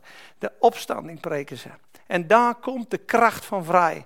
Op het moment dat wij de woorden van God spreken, in het, in het Engels zei ze dat zo mooi, it's voice activated. Toen ik op bijbelschool zat, zei ze de Heilige Geest, de wonderkracht en de zegen, it's voice activated. Als je niks zegt, gebeurt er niks. Maar als jij zegt, God houdt van je, begint de geest te stromen. Als je morgens begint, dank u Heer, ik prijs u voor uw weldadigheden van David die ik gekregen heb, begint het geloof te stromen. Het is door dankzegging en lofprijs. Allen die de naam van God aanroepen, zullen gered worden. Romeinen 10, 12, hij is rijk over allen die hem aanroepen. Dus als je God niet aanroept, dan stroomt zijn leven niet. Dus door de prediking, door de verkondiging, begint het leven van God te stromen. En gebeuren er wonderen en gebeuren er tekenen. Als je in de kassarij staat, ik heb het wel eens, sta ik in de kassarij, sta ik achter iemand, dan wil ik wat zeggen, maar ik zeg niks. Die persoon hoort niks. Maar wat als ik wel wat gezegd had? Mevrouw, ik, ik wil eh, wat tegen u zeggen. Ik denk dat God ontzettend veel van u houdt, ik noem maar wat. Maar één zin, ze gaat naar huis, het blijft bij. Je hebt toch zaad gezaaid.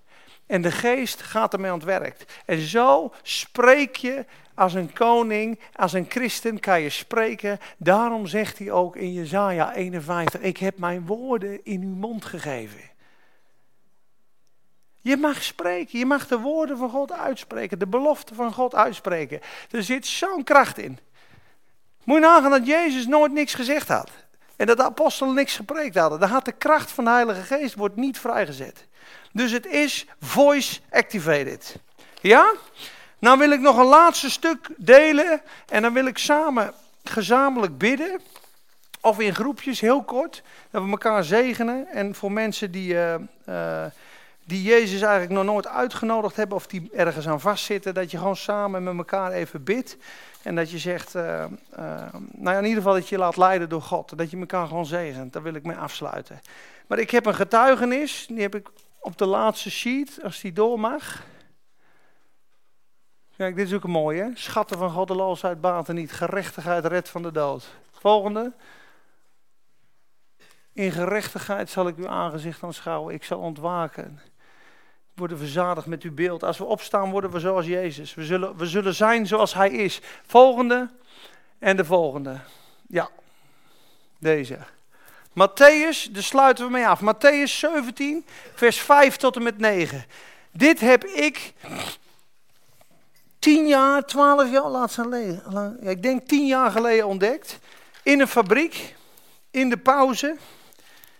En dat heeft me heel diep geraakt. En dat heeft ook het fundament gelegd voor, denk ik, wie ik ben op dit moment. Ik, ik heet op Twitter Resurrection PBD. Dat heb ik gedaan omdat ik dit gelezen heb. Opstanding Peter Duist heb ik ervan gemaakt. Omdat het begint in de opstanding een nieuw leven. Je moet nagaan, ik zit in de pauze aan een tafel in een fabriek. En ik had gehoord van een prediker de avond ervoor. Je moet gewoon eerlijk zijn tegen God. En hij had gewoon tegen God gezegd van luister, uh, u heeft 33 jaar op aarde gelopen en toen ben, bent u naar de vader gegaan. U heeft nooit geen kinderen opgevoed. Ik heb uh, drie kinderen, ik heb het zwaar en uh, ik gewoon heel eerlijk ben, stortte hij zijn hart uit bij. Het, kwam, het, kwam het kwam niet onbeschoft over, maar het kwam gewoon oprecht over, snap je? Hij uitte gewoon zijn hart. En dus als je iets hebt, moet je gewoon eerlijk zijn tegen God. Als je boos bent, moet je gewoon eerlijk zijn tegen God. Dus ik was op dat moment best wel uh, angstig voor dingen in de Bijbel. Ik las wel eens woorden van Jezus uh, in de evangelie en die hadden een hele zware impact. Van, uh, ik noem wat, als je niet vergeeft, word je niet vergeven. Of de mate waarmee je meet, zal je meegewogen worden. Of ga weg van mij, werker van de ongerechtigheid. ik zal u dan tonen wie u moet vrezen. Uh, degene die uw eh, lichaam en, eh, en, en, wat staat nou? Je lichaam en ziel in de hel kan verderven. Vreest hem. Ik had allemaal moeilijke teksten en ik zei op een gegeven moment dat ik daar eigenlijk best wel bang voor was. Dat ik, dat ik gewoon eigenlijk, ja, ik vond de evangelie heel moeilijk om te lezen. Ik zei wat een harde woorden, wat een moeilijke woorden. En als ik de Paulusbrieven lees, dan word ik eigenlijk wel heel blij. En ik vind het eigenlijk gewoon, ja, ik gaf er ook nog een raar woord bij. Ik vind het gewoon, et cetera. Nou, ik was eerlijk geweest. Dus ik zit in de pauze en ik lees dit stukje en toen sprak God tegen mij. En dat heeft me ontzettend bevrijd en bemoedigd. En dat wil ik delen. Ze zijn op de berg de verheerlijking. Petrus, uh, Jacobus en Johannes heeft hij meegenomen. Jezus' gedaante wordt helemaal uh, wit. Elia en Mozes staan erbij. Ze staan op de berg en op een gegeven moment komt er een stem uit de hemel. En terwijl uh, nou, ik lees het hele stuk eventjes, dat is beter. Voor de, voor de context. 17 vers 1. Na zes dagen nam Jezus Petrus en Jacobus en Johannes zijn broer met zich mee en bracht hen op een hoge berg. Alleen hen. En hij werd voor hun ogen van gedaante veranderd. Zijn gezicht straalde als de zon en zijn kleren werden wit als het licht. En zie, aan hen verschenen Mozes en Elia die met hem spraken, met Jezus. Petrus antwoordde en zei tegen Jezus, Heere, het is goed dat wij hier zijn. Laten wij, als u wilt, hier drie tenten maken. Voor u één, voor Mozes één en één voor Elia. En terwijl Petrus nog sprak, zie een lichtende wolk overschaduwde hen. En zie een stem uit de wolk zei: Dit is mijn geliefde zoon, in wie ik mijn welbehagen heb. Luister naar hem. Let op dit woord, luister naar hem. Dus ik lees dit, ik denk, zie je wel, zie je wel, Jezus' woorden die tellen gewoon, die zijn gewoon allerbelangrijkste. Maar ik vind, ik vind het zo heftig wat hij zegt. Het komt zo zwaar aan. Vers 6, moet je eens kijken wat er staat. Toen de discipelen dit hoorden, wierpen zij zich met het gezicht ter aarde en werden zeer bevreesd. Toen zei God, ja, daar ben jij. Waarom zijn ze nou zo bang? Waarom, op het moment dat die wolk komt en God zegt, hoort hem, luister naar hem, vallen ze op hun knieën en waren zeer bevreesd. Ik zou je zeggen waarom. Elia staat erbij, dat is de profete. Mozes staat erbij, dat is de wet. Petrus, Jacobus en Johannes, die weten dat ze aan de wet en de profeten al tekort schieten. Nu komt Jezus, die heeft op de bergreden gezegd, u hebt gehoord ja, dat als u iemand haat, ja, dat als u iemand doodt, dat u uh, gestraft moet worden. Maar ik zeg, als je iemand in je hart al haat, ben je al een moordenaar. U hebt gehoord, hij die overspel doet, is een overspeler. Maar ik zeg, die naar een vrouw kijkt, is al een overspeler. Dus Jezus legt zijn wet nog veel hoger neer. Op het moment dat God zegt, hoor naar Jezus, vallen ze op hun aangezicht en worden ze zeer bevreesd. Toen zegt God, daar ben jij. En nu komt het wonder. Toen kwam Jezus bij hen, vers 7. Hij raakte hen aan en zei, sta op, sta op en wees niet bevreesd. Toen zij hun ogen opsloegen, zagen zij niemand dan Jezus alleen. En nu komt vers 9. Toen zij van de berg afdaalden, gebood Jezus hun dit. Vertel niemand van wat u gezien hebt, totdat de zoon des mensen opgewekt is uit de doden. En dit kwam bij mij binnen als een bom. Ik, ik interpreteerde het zo, en dat is ook zo. Jezus zegt, Zeg niemand dit visioen wat je net gezien hebt. Als ze van de berg gekomen waren, hadden ze tegen iedereen gezegd: We zijn op de, op de berg geweest, we hebben een visioen gehad, hoort hem. Maar Jezus zegt: Zeg niemand dit visioen, totdat ik uit de doden opgewekt ben. En toen viel het kwartje bij mij. Jezus gaat eerst naar het kruis en neemt eerst alle zonden op zich. Gaat dan door de dood heen, wordt de Heilige Geest, komt in hun wonen. En op dat moment, in de opstandingskracht, kan je horen wat hij zegt. hoort hem. Kan alleen maar in de opstanding. En dat wisten ze niet. En daarom zegt Jezus, wacht met het visioen, onderwijs dit nog niet, Totdat ik uit de doden ben opgewekt. Totdat ik je verlost heb van de angst van de dood. Totdat ik je zonde betaald heb. En totdat ik degene ben die in jou is. En die mijn eigen woorden voor jou zal vervullen. Want wat God eist met zijn linkerhand, voorziet hij met zijn rechterhand. En de eis is zeer hoog. Wie kijkt naar een vrouw is een overspeler. Maar dan gaan we allemaal verloren. Wie zijn broeder in zijn hart haat, is een moordenaar. Hoeveel moordenaars zouden er dan in Spakenburg zijn? Als God ons daarnaar af gaat rekenen. Maar hij wil dat doen om ons aan het einde van onszelf te brengen. Want de fariseeën zeiden, wij kunnen de wet houden. Ja, uitwendig. En Jezus zegt, wie kijkt is al een overspeler. Het gaat om inwendig. Hou je de wet van God, de volmaakte liefde, inwendig. We zijn allemaal schuldig. En daarom kom je aan het einde van jezelf en zeg, Heer, ik hou ermee op. Ik kan uw geestelijke wet niet vervullen. Dat moet u voor mij doen. Ik geef me over. En op het moment dat je dat doet, kom je tot de redding en de verlossing. En zegt hij, luister, het zondeprobleem los ik voor je op. Waar jij faalt en tekortschiet, daar stroomt mijn bloed. Maar ik ga wel in je komen wonen. En ik ga jou zo ver brengen dat je alles doet wat ik van je verlang. En dat mag je een heel leven over doen. En dat is het. Voor mij ging de angst er toen vanaf. Toen dacht ik, hé, hey, ik kan doen wat hij zegt. Maar wel in de kracht van de opstanding. Mooi hè? Amen. Zullen we een gezamenlijk gebed doen of in groepjes? Wat willen jullie? Het is wel zo'n beetje laat, hè? Zullen we een gezamenlijk gebed doen? Nou, ik geef vrijheid van gebed. Deze in de redding ook altijd. Dat vind ik mooi. Laten vier of vijf mensen een gebed uitspreken. En daarna wil ik een uh, gezamenlijk gebed doen. En dan sluiten we de avond af. Oké? Zou papa willen beginnen met een gebed?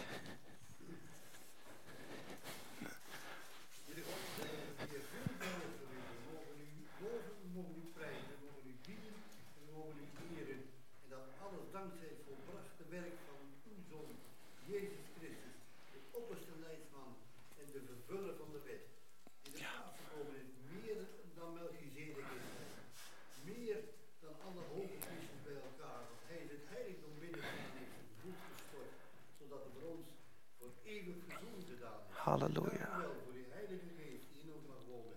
Dank u wel voor de woorden van Peter, mijn zoon. Dank u wel voor alle mensen die hier waren. En dank u wel voor ons dorp. Dat wij mogen doorvertellen, die belangrijke boodschap, dat wij Geef ons moed, geef ons kracht. Want van onszelf zijn we een stelletje zwakkelingen en slappelingen. En durven soms niet voor onze mening uit te komen. En als iemand toch kritiek heeft op ons en zegt, ja, maar dat gaat veel te hoog en veel te ver, het is veel te mooi. Heer, laten we dan zeggen, vriend, broeder, zuster, wat bindt ons? Wat is de binding? Er is maar één binding en dat is de liefde van Jezus voor ons zondaren. En de verlossing door zijn bloed. Dat bindt ons voor eeuwig. Door uw opstanding. Wij danken u. Wij danken u uit de grond van ons hart. Amen. Amen.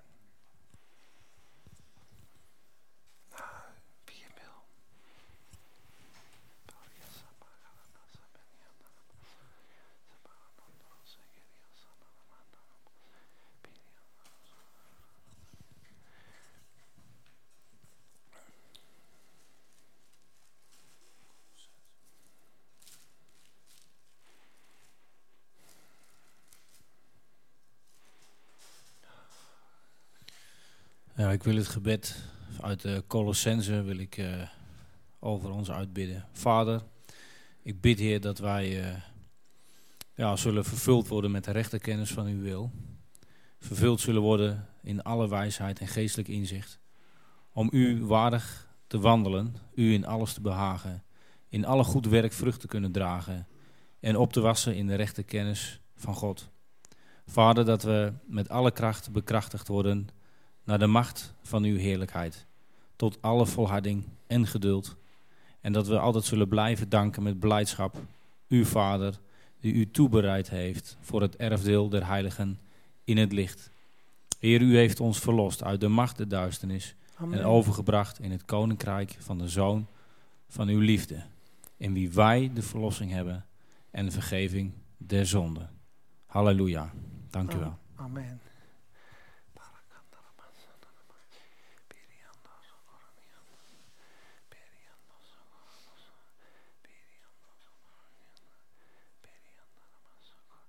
Johan, wil Johan nog een gebed uitbidden? En dan zal ik afsluiten daarna. Vader, dank u wel, Heer, voor uw liefde, voor uw trouw, voor uw genade, Heer. Vader, dank u wel voor uw geliefde Zoon, Heer. Dank u voor Jezus Christus. Dank u, Jezus, dat u alles volbracht hebt, Heer. U hebt al onze zonden gedragen en aan het kruis genageld, Heer. U bent het volmaakte lam, Heer. We loven en prijzen uw grote naam. Dank u, Heer Jezus, dat we met u zijn gezeten in de hemelse gewesten, Heer. Dank u wel dat we de geest van waarheid en openbaring hebben ontvangen, Heer, en het kennen van u. Vader, verlicht onze ogen, Heer. Verlicht de ogen van ons hart, Heer. Heer, leer ons u kennen, Heer, en waardig te wandelen als kinderen van u, Heer. Zelf kunnen we het niet. Vul ons elke dag met uw heilige geest, Heer. Heer, we prijzen en loven uw grote almachtige naam, Heer. En we danken u voor alles, in de naam van Jezus. Amen. Amen. Amen. Ja, Heer, als het net gebeden is, wil u kennen. Heer, dan denk ik als ik, dat ik voor allemaal spreek. Ik zeg, Heer, we willen u beter leren kennen. En daarom wilt u ons uh, het komend jaar, Heer, zegenen met een ontmoeting van uzelf, Heer, met ons persoonlijk. Ieder op zijn eigen manier. Raak ons maar aan, ontmoet ons maar. Laat ons maar zien wie u bent in ons leven. Dat het ons mag verrijken, Heer, om meer en meer op u te gaan lijken.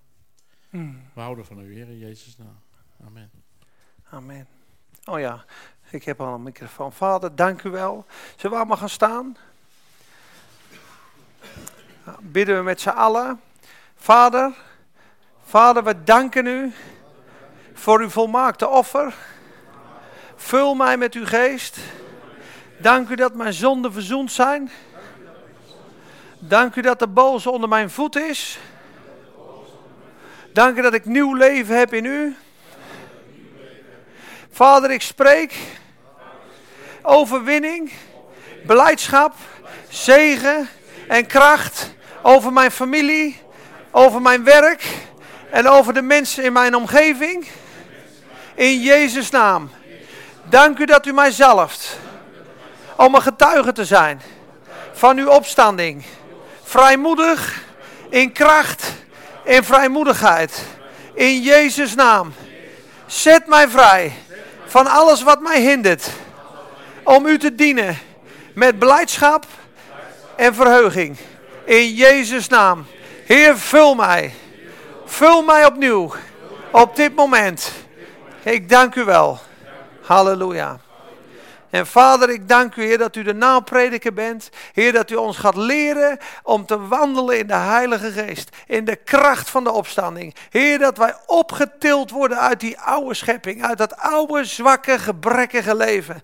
Ik, ellendig mens. Heer, dank u wel dat ik, ellendig mens, zich mag overgeven in uw armen. En dat u hem opgetild hebt, Heer, uit het graf. En ver boven alle kracht en macht en heerschappij gezet hebt. Heer, ik dank u wel dat uw levende water door ons heen stroomt.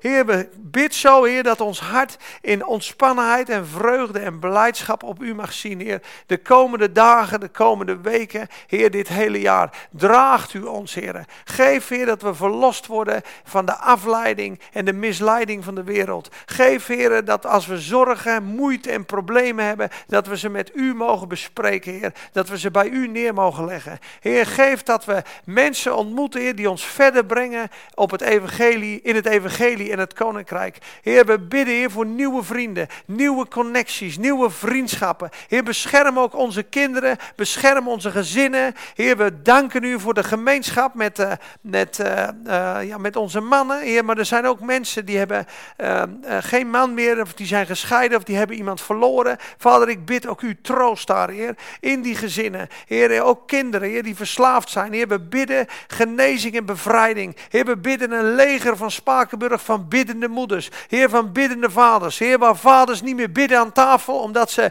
zich schuldig voelen. Of omdat ze in zonde verstrikt zijn, Heer. Of dat ze, Heer, op het voetbalveld hun alles en hun, uh, hun hele hebben en houden hebben. Dat ze de connectie met u kwijt zijn. Heer, we bidden, breng ze terug, Heer. Heer, dat uw woord weer open gaat aan de tafel, aan de eettafel, Heer. Maar ook zondagmiddag na het eten. Dat er heerlijk over het woord gesproken kan worden. Dat er samen gebeden mag worden. Heer, dat er samen gezongen mag worden. Halleluja, dat er samen zelfs avondmaal gevierd mag worden, Heer. Want dat deden ze dagelijks en in de huizen. Heer, waai met uw geest over Spakenburg. Waai, Heer, in elk hart wat koud geworden is. En blaas uw vuur van passie er weer in. Geef ons, Heer, de kracht van het graf te doorbreken. In uw machtige naam, in uw machtige kracht. U komt toe alle glorie en eer en lofprijs en dankzegging. U bent de God die het voor ons volbrengt, Heer. U die een goed werk in ons begonnen bent, zal het volmaken tot op de dag van Christus. En niets, maar dan ook niets, kan ons scheiden van uw liefde, want wij zijn in u geborgen. Halleluja. Amen. In Jezus' naam. Wel thuis, mensen.